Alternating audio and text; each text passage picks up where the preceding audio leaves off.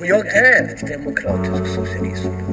Med stolthet och med glädje. Kvar min grundtro på att det går att påverka samhället, det går att påverka utvecklingen. Medborgarnas krav kan tillgodoses endast av det starka samhället. Hej, välkommen Daniel Färm till Riksdagspodden. Tack så mycket. Så roligt att du är med. Och temat idag, du är politisk redaktör och VD för AIP som är eh, media och för tidningen Aktuellt i politiken. Och vi ska prata om media, men också specifikt den media där du är aktiv och jobbar. Just det. Mm. Tack så mycket. Kul att du är här. Kan du inte berätta lite, vad är liksom alla de här som inte läser eh, som jag varje nummer av Aktuellt i politiken? Hur, hur, och hur liksom ser koncernen ut och, och vad är det för typ av, av tidning? Mm. Nej, men eh, Aktuellt i politiken är ju Socialdemokraternas eh, nyhetstidning och vi är faktiskt Sveriges enda socialdemokratiska nyhetstidning nu. Eh, då tänker ju en del, nej men det finns massa, Aftonbladet och andra. Men de har ju en socialdemokratisk ledarsida och är i övrigt eh, ägda av ett stort eh, mediebolag, en stor mediekoncern som även äger till exempel Svenska Dagbladet och andra. Eh, och så ser det tyvärr ut numera. Vi hade ju många tidningar som faktiskt var ägda och drivna av Socialdemokraterna tidigare runt om i landet. Men nu är Aktuellt i politiken den enda som är kvar. Eh, och vi eh, har ju då ett mediebolag som heter AIP Media. Och eh, vi ger ju då framförallt ut tidningen, men vi har också börjat med några ytterligare eh, kanaler. Dels har vi startat en eh, webb-tv-kanal som vi har döpt till Kanslihusvänstern. Som en liten blinkning åt eh, Erik Åsbrink och Kjell-Olof Feldt på den tiden då de blev kallade för kanslihushögern. Och Erik Åsbrink tyckte att det var så orättvist, för han tyckte att de var egentligen kanslihusvänster. Eh, och den eh, har vi kört i en dryg en och en halv månad nu. Eh, och eh, sen håller vi precis på att starta upp en podd också faktiskt, mm. som ska handla om, inte riksdagen, utan om kommunpolitiken. Så att den kommer heta Aktuellt i kommunpolitiken. Ja, spännande. Så att vi försöker att pröva med lite ytterligare möjligheter för folk att ta del av politik eh, i lite olika kanaler. Men tidningen är det huvudsakliga eh, eh uttrycket som vi jobbar med. Mm. Eh, och det är då Aktuellt i politiken och den kommer numera ut två gånger i veckan. Det var faktiskt ganska nyligen, det var bara två månader sedan vi började gå upp och komma ut två gånger i veckan. Innan det kom ut en gång i veckan. Och där bevakar vi svensk politik utifrån en socialdemokratisk horisont. Mm. Så det är liksom vår idé. Då blir det mer aktuellt när det är två gånger i veckan. Verkligen, mm. absolut. Mm. mm. Men du, när skedde den här, tänker jag, förändringen som du säger? Har det liksom blivit en stegvis förändring i mediebilden och att det inte längre finns socialdemokratiska eller liksom tidningar? Eller hur, hur kan man liksom beskriva den där utvecklingen på något sätt? Ja, nej men det har ju sett eh, lite olika ut. Men det har ju varit eh, eh socialdemokratiska partidistrikt till exempel. Eh, och ibland har det varit eh, LO som har ägt eh, dagstidningar, dagspress. Eh, och det största, eh, största sån tidningen var ju det som då hette Arbetet som gavs ut i eh, Skåne, Malmö och Göteborg. Eh, Bo Bernhardsson var ju den sista chefredaktören där. Eh, och den lades ju ner under ganska stor vånda kan jag säga. Det var väldigt många som var eh, ledsna över att den lades ner. Men eh, tidningsmarknaden generellt sett har ju varit hårt, hårt pressad. Det har varit svårt att sälja fler eh, lösnummer, svårt att sälja prenumerationer och svårt att sälja annonser om man inte är första tidning. Så i var, på varje ort så finns det ju en tidning som är den stora. Och I Göteborg är det Göteborgs-Posten till exempel och i Malmö är det ju Sydsvenskan. I Stockholm är det ju eh, Dagens Nyheter och så vidare. Så är det på alla, de flesta orter där det överhuvudtaget finns fler tidningar. På många orter finns det ju eh, kanske bara en tidning, eller kanske ingen alls om man mm. har riktigt illa. Så det finns ju de här så kallade vita fläckarna. Och det kallas ju ibland för tidningsdöden. Och det är ju ett hot mot demokratin. Om inte människor kan ta del av det som händer eh, i samhället i stort men också inom politiken. Då har de ju också svårt att fatta informerade beslut när de ska gå och rösta. Så det är ju viktigt för demokratin att vi har eh, en mångfald av medier och då inte minst eh, tidningar också. Eh, och därför har vi någonting som heter pressstödet som är mm. väldigt viktigt. Och det går ju då ofta till tidningar, andra tidningar som inte har den här självklara möjligheten att få alla annonsintäkter eller så. Eh, men även sådana tidningar som Aktuellt i politiken. Så vi får ju också pressstöd. Det får även de andra partiernas tidningar. Eh, om man uppfyller vissa krav. Eh, och det där jobbar vi hela tiden med och mm. se till att vi följer de reglerna. Eh, men, men sammantaget så försöker vi ändå att eh, så säga, återta lite, skapa möjligheter för fler att ta del av svensk politik utifrån en socialdemokratisk horisont trots att de här andra tidningarna runt om i landet har fått lägga ner. Och inte bara och Arbete ska jag säga, det finns många andra tidningar mm. runt om i landet som har gått liknande öden till mötes. Där tidningarna kanske fortfarande finns kvar men de har eh, sålts av arbetarrörelsen till till mer vana mediebolag. Mm. Eh, men man kanske ibland har kvar en socialdemokratisk ledarsida i alla fall. Och det är också viktigt. Så är man lite äldre än kanske 20-30 år så kanske man också kommer ihåg vilken tidning det var som gällde. För det är väl ungefär i den, ja. kan det vara den horisonten? Eller är jag bara ja. så här, det är väl min minnesbild att det är så länge sedan som, som det också var väldigt vanligt med två tidningar eller fler tidningar åtminstone än en. Precis. Så man kan säga att det egentligen var en ekonomisk fråga fast egentligen mm. också handlade det naturligtvis om att eh, ja, men någon var större än den andra. Men det handlade om annonsintäkterna mycket, att man inte fick det att gå runt. Precis. Mm. Och ja, det skedde i hög utsträckning på 90-talet. Mm. Eh, och sen har det fortsatt under 2000-talet också. Mm. Eh, och ja, det har väl sett lite olika ut i olika delar av landet men, men eh, idag är det inga fler eh, dagstidningar som, som drivs och ägs av Socialdemokraterna. Och en sak är att man har en ledarsida, det är viktigt. Men en viktig poäng som Bosse Bernhardsson lyfte upp, han skrev en krönika om det här i Aktuellt i politiken väldigt nyligen som var väldigt bra och stark. Och frågan lyftes ju också på Socialdemokraternas partikongress mm relativt nyligen. Eh, det handlar ju om att man också behöver lyfta röster och perspektiv och eh, inte minst eh, de breda löntagargruppernas perspektiv på ett sätt som kanske inte alltid kommer fram i kommersiell media.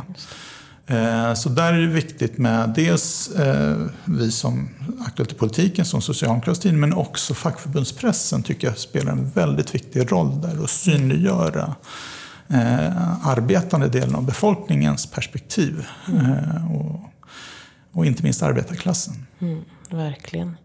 Har alla partier en dags eller en tidning? Eller hur, vet du hur det ser ut? Är det liksom...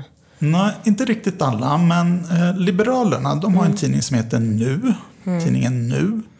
Sverigedemokraterna har en tidning som heter eh, Samtiden. Eh, de har ju lite olika mediekanaler som, som de har satsat mycket på, både digitala och så. Men, eh, och sen finns det en liten eh, kristdemokratisk tidning som är väldigt liten, som jag inte ens kommer ihåg vad den heter. Jag glömmer alltid bort det. må vara hänt.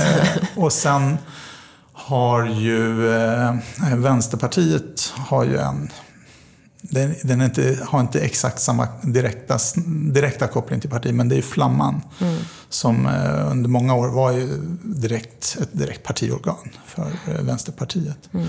Eh, Centerpartiet, de ägde ju väldigt många tidningar runt om i hela landet. Centerpressen var ju jättestor. Eh, de sålde ju det för var det 20, 15-20 år sedan.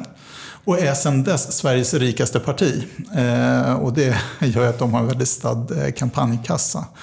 Eh, men de har ju drivit vidare också med centerpartistiska ledarsidor. Men de ägs nu också av de här, det finns ju några stora mediebolag i, eh, i Sverige som, som äger många av lokaltidningarna också. Eh, vad har vi med? Miljöpartiet har inte någon egen vanlig, vanlig tidning. De har ju några andra som är de närstående, så att säga. Eh, och ja, det var väl de partierna vi har nu. Jag tror att jag gick igenom alla där. Och Moderaterna har... Moderaterna, förlåt, de har ju eh, inte någon egen tidning, men de har ju en, inte någon egen eh, allmän tidning. De har väl eh, ett antal däremot ledarsidor som eh, Precis. jobbar väldigt aktivt för dem och Mm. eh, även en del här nya mediesatsningar som ligger ganska nära dem, som Bulletin till exempel. Mm. Eh, Men annars är ju Svenska Dagbladet och de här är ju Mm. väldigt välkända som moderata flaggskepp. Så att säga. Hur hamnar du själv i den här? Hur, vilken väg har liksom Daniel gått och vilken, hur, hur, vad är det som driver dig i allt detta också?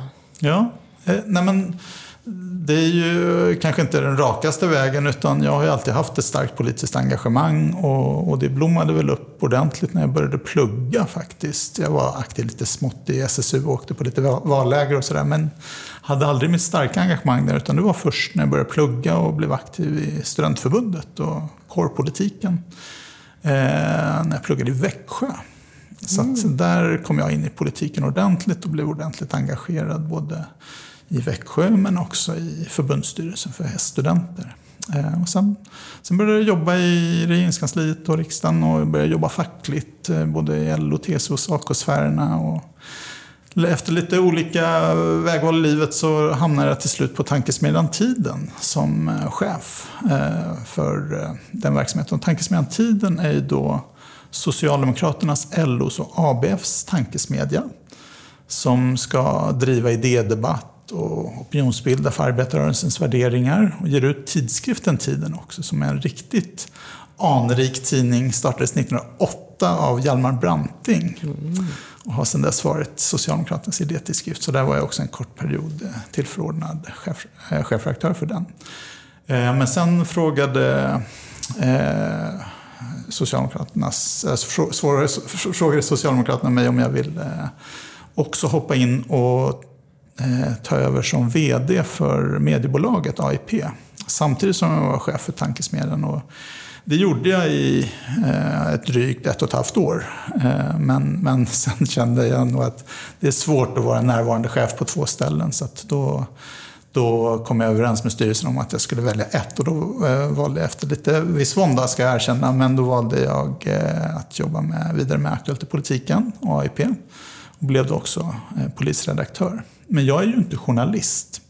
Utan jag är ju ja, dels, dels är jag ett politiskt djur, så man är väldigt intresserad av politik och, och drivs av det. Men sen eh, är jag också eh, verksamhetsutvecklare, så jag tycker om att utveckla verksamheter. Och det gjorde jag på Tankesmedjan Tiden. Och det är det jag nu också har i uppdrag att göra för AIP, för Aktuellt i politiken. Eh, Så att, där försöker jag att göra både på Vi har ju en chefredaktör som är Maria Persson och hon ansvarar för innehållet och är ansvarig utgivare. Men vi tillsammans så, så knådar vi och, och utvecklar eh, innehållet. Men också utgivningen och de här andra uttrycken som sagt. Med lite webb-tv och lite poddar och sånt där också. Mm. Och under en eh, liten period i våras så tog du lite, fick du tjänstledigt för att vara riksdagsledamot under tre veckor eller? Ja, eventuellt. Jag har inte kollat upp det i rullan, men eventuellt så är den kortast tjänstgörande riksdagsledamoten i historien.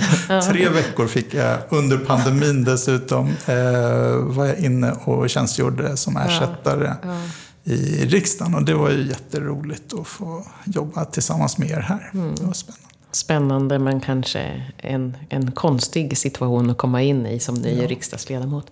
Men du, jag tänker att du fortsätter lite på det där spåret men ändå så här, hur, hur, tänk, hur, är liksom, hur är din tidnings eller er tidnings relation till politiken, till riksdagen och alltså hur skiljer den sig också någonting och hur, hur pratar ni om, om relationen till politiken?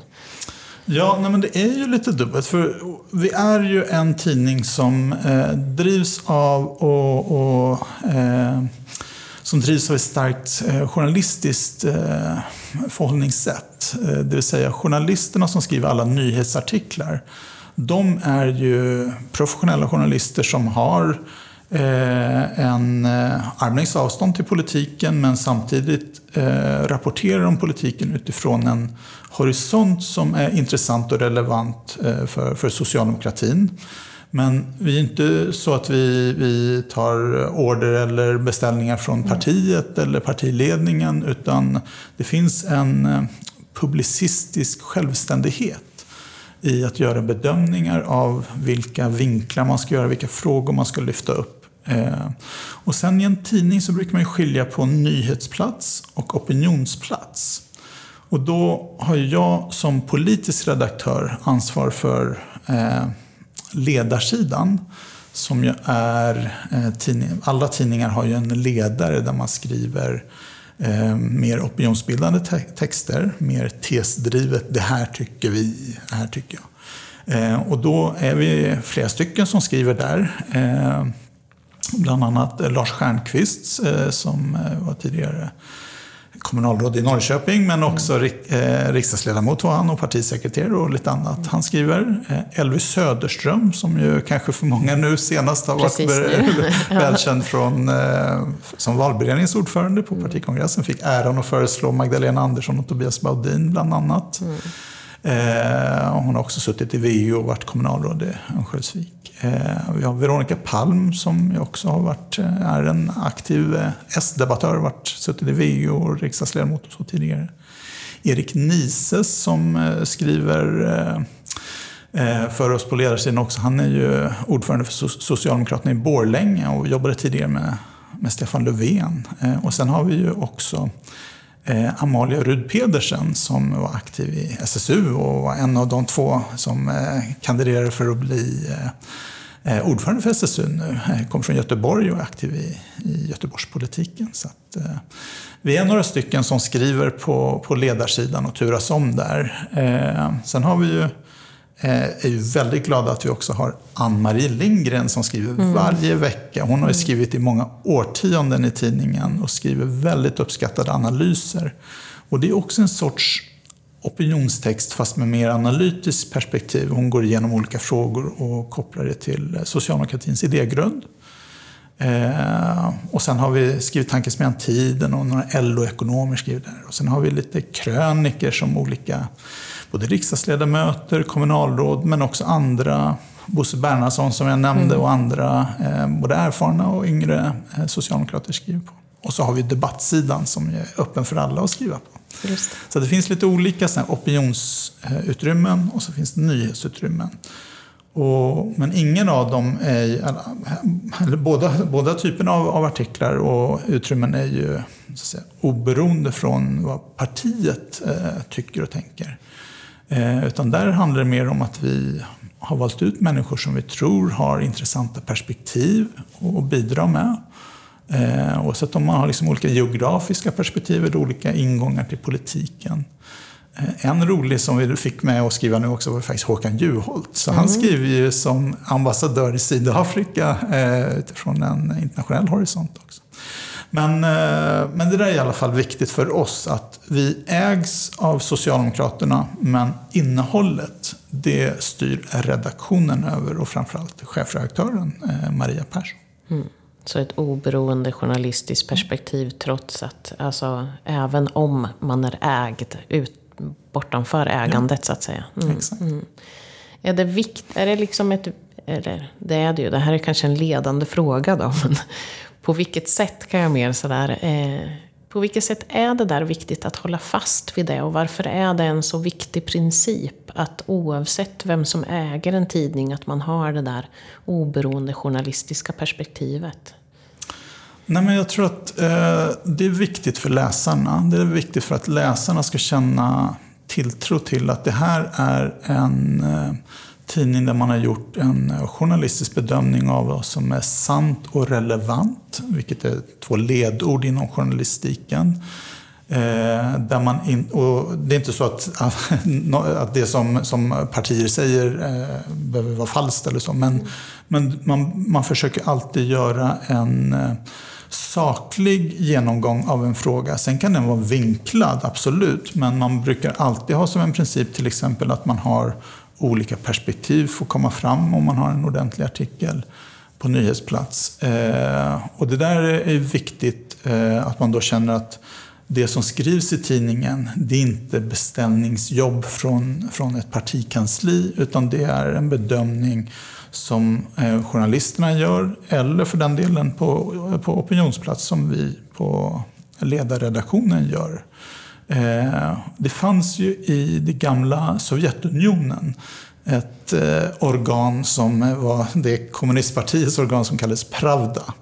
Och de skrev ju precis vad Stalin och de andra ville att de skulle skriva. Eh, och så, då tappar man ju väldigt stor trovärdighet. Eh, och, och det där gäller att man är trygg med. Det betyder inte att jag är eller de andra på, på tidningen använder Aktuellt i politiken som någon sorts eh, plattform för att bedriva krypskytte mot eh, Socialdemokratiska partiet eller partiledning eller någon enstaka minister. Men vi hamnar inte alltid i samma slutsatser. Men det, gör ju, det försöker vi så att säga eh, lyfta fram. Man kan ju hamna i olika slutsatser även om man har samma socialdemokratiska utgångspunkter. Och då gäller det att man argumenterar för det. Men framförallt brukar vi försöka ha, jag brukar säga näsan utåt, det vill säga försöka att ha fokus på sakfrågorna, samhällsproblemen och kontrasten mot, eh, på, på, när vi skriver på opinionsplats, eh, kontrasten mot eh, politiska motståndare, mot eh, andra tanketraditioner, andra politiska inriktningar och deras sätt att se på människan och samhället. Mm. Hur mycket spelar hur mycket spelar liksom media och den fria media en roll i en demokrati? Jag tror att det är svårt att, att överskatta det. Det är helt avgörande att man har fri och oberoende media. Det brukar ju av forskarna också anses vara ett av huvudkriterierna för när man ska bedöma eh, hur demokratiskt ett land är det finns ju en del forskare, eh, ganska många forskningsinstitutioner som gör mätningar på alltså att demokrati, ibland tror man att det bara är svart eller vitt, det är ju ett spektrum. Man är ju inte antingen demo, eh, eh, demokrati eller icke-demokrati, utan det finns ju ett spektrum där. Men, men graden av hur mycket fri media det finns och hur fria de verkligen är, det är ju helt avgörande för att människor verkligen ska få den här allsidiga informationen, de olika perspektiven, oppositionella röster som också vågar ifrågasätta makten, granskningar av den politiska makten som kan, eh, kan peka på när kejsaren är naken, eh, eller som kan också häckla pompösa makthavare. Det där är ju någonting som journalistiken och media har gemensamt med kulturen också. Kulturen kan ju också spela den där viktiga rollen och, och eh, utsätta makten för eh, ifrågasättandet. Som är viktigt utan att liksom gå hela vägen mot eh, politikerförakt som populismen gör. Men hård, saklig eh, och seriös granskning eller för den delen oppositionella perspektiv och röster mot makten. Det är viktigt i varje demokrati. Annars så blir det bara maktens eh, perspektiv och röster som kommer få genomslag. Och då hamnar vi i ett läge som man ser i Putins Ryssland nu till exempel. Där man har slagit ner mot den ena fristående redaktionen efter den andra. Och plötsligt, jag skulle säga, även om det skulle vara helt fria val i bemärkelsen att eh, det inte var rena röstfusk, vilket även förekommer där, så kan jag tänka mig att många ändå skulle rösta på Putin för att man har bara fått en bild matad från eh, statlig media och Putin-lojala medier. Man påverkas av det, man på, ens eh, världsbild påverkas i högre utsträckning av det. Så om man vill ha en mångfacetterad Eh, Eh, flora av perspektiv för att också få lite olika nyanser i den politiska debatten, då är det otroligt viktigt med fri och oberoende media. För det är också, ursäkta, det är också svårt, tänker jag, som enskild person att, att tränga bakom det som sägs. Alltså, jag tänker att om man har, inte har en fri och oberoende press man har Pravda, sanningen, mm. som serveras så är det också väldigt svårt att, att, att kunna göra egna bedömningar. Utan man måste få flera olika bilder för att kunna skapa sig sin egen.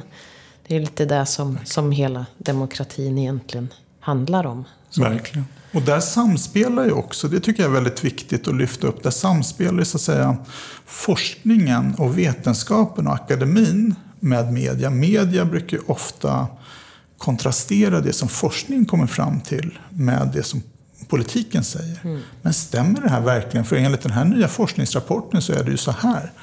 Och där eh, kan ju media också göra det lite mer lättbegripligt. Det är inte alla som har möjligheter att sätta sig in i och borra in i djupa och ibland mm. eller tala ganska tråkiga eh, men viktiga eh, mm. forskningsrapporter eller vetenskapliga eh, artiklar.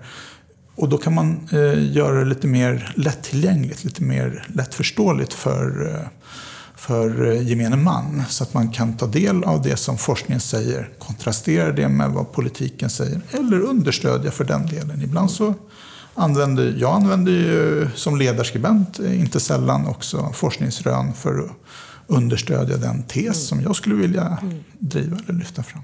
Just det, göra det lite mer begripligt. Ja. Hur, hur sociala medier är ju ändå en viktig också spelare här någonstans. När det, vi pratar om kommunikation och hur så här, hur, är det ett hot? Är det liksom en möjlighet? Både och? Eller hur, hur förhåller sig sociala medier mot, mot det vi ibland slentriantmässigt tycker jag, för att det är det ju inte bara, men vi säger gammelmedia. Eh, vilket jag tycker är lite eh, respektlöst namn. Men, men i alla fall.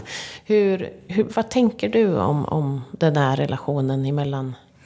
emellan? Jag brukar använda begreppet redaktionell media mm. eh, i, i kontrast till sociala medier. Eh, sociala medier är ju någonting som var och en av oss eh, bidrar med. Där är vi våra egna skribenter. Eh, men vi är ju inte journalister eh, utan vi tycker och tänker om stort och smått i livet och politiken och samhället. Och, och det är i grund och botten en, eh, också tycker jag, eh, demokratiskt intressant tanke. Att man verkligen sprider på marknaden, låter fler människors röster komma fram. Eh, och människor använder det där på olika sätt. Sen tror jag att man måste nog skilja lite på sociala medier och sociala medier. För det skiljer sig väldigt mycket åt olika plattformar som det heter. Eh, Facebook är ju det största och där, där lägger ju folk upp eh, både personliga och ibland eh, politiska eh, inlägg och bilder och, och texter. Eh, där hamnar man ju ofta i vad som kallas en filterbubbla. Man, man får mycket positiv förstärkning och bekräftelse. Det är ofta det här som kallas likes, tummen upp, mm. man gillar någonting. Eh, och det är ju väldigt många som använder det. Det är ju världens största sociala medieplattform. Eh, nackdelen med det är ju att man inte möter andra perspektiv riktigt i den utsträckning som man kanske gör eh, om man tittar på hela, hur hela samhället ser ut. Eh, ett annat medium däremot är Twitter. Där möter man verkligen andra perspektiv. Där är det verkligen kontrast och konflikt och det är, eh, många tycker att det är ett ganska bråkigt medium. Men om man går in på Twitter så ska man vara medveten om att där är man inte ute efter att få ryggdunkningar alltid, utan där är det mer att man får lite mothugg. Eh, nackdelen med både Facebook och Twitter är ju att de styrs av så kallade algoritmer. Och det är ju då liknande, ja, AI-liknande eh, eh, regler, alltså eh, IT-regler som styr eh, vad man får se och vad som eh, sprids snabbt och inte. Och då har det nu också kommit fram utifrån vittnesmål i pågående rättegångar i USA från där personer som har jobbat på en ganska hög nivå inom Facebook och på Twitter också, att de där algoritmerna, de eh, gynnar sånt som väcker starka reaktioner. Och starka reaktioner, det får man ju när man är provokativ.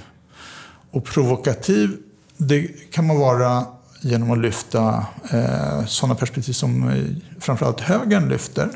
Där man eh, drar isär samhället. Man säger det är vi och dem.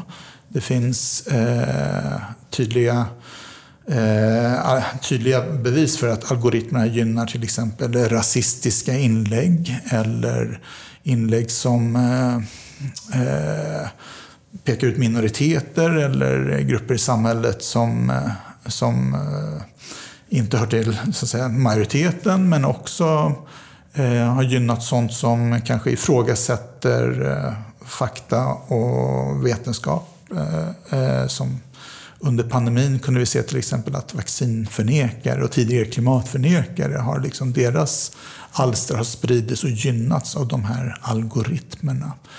Så på det sättet har ju verkligen sociala medier fyllt eh, en ganska farlig funktion också. Att man har gynnat eh, röster och perspektiv som kanske inte är representativa för hela samhället men som eh, väcker uppmärksamhet och därmed får mycket eh, spridning på sociala medier.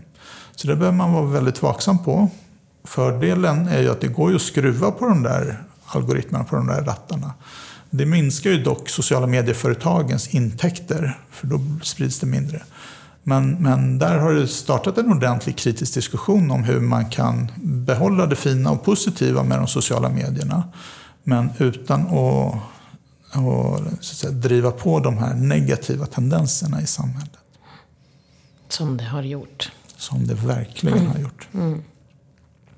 Om du får drömma, Daniel. Hur skulle liksom, hur kommer medias, hur skulle du vilja se att medias roll utvecklas och är inom, ja men fram, i framtiden? Nej, men jag skulle önska att vi verkligen fortsätter att kämpa för en mångfald av olika röster, perspektiv, kanaler.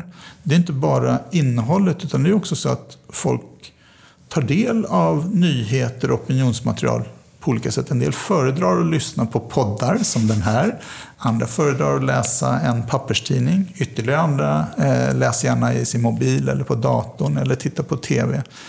Men mångfalden är ju det som berikar ett samhälle, både i innehåll och, och åsikter och i olika kanaler. Så jag hoppas verkligen att vi ska kämpa för att behålla den mångfalden. Eh, för det tror jag är helt avgörande för att vi ska ha en levande demokrati också framåt. Och jag brukar ibland säga att av alla högerns förslag så är jag ibland mest orolig för de förslagen som handlar om att slå undan benen på public service eller försämra pressstödet och på, då, på så vis undergräva demokratin.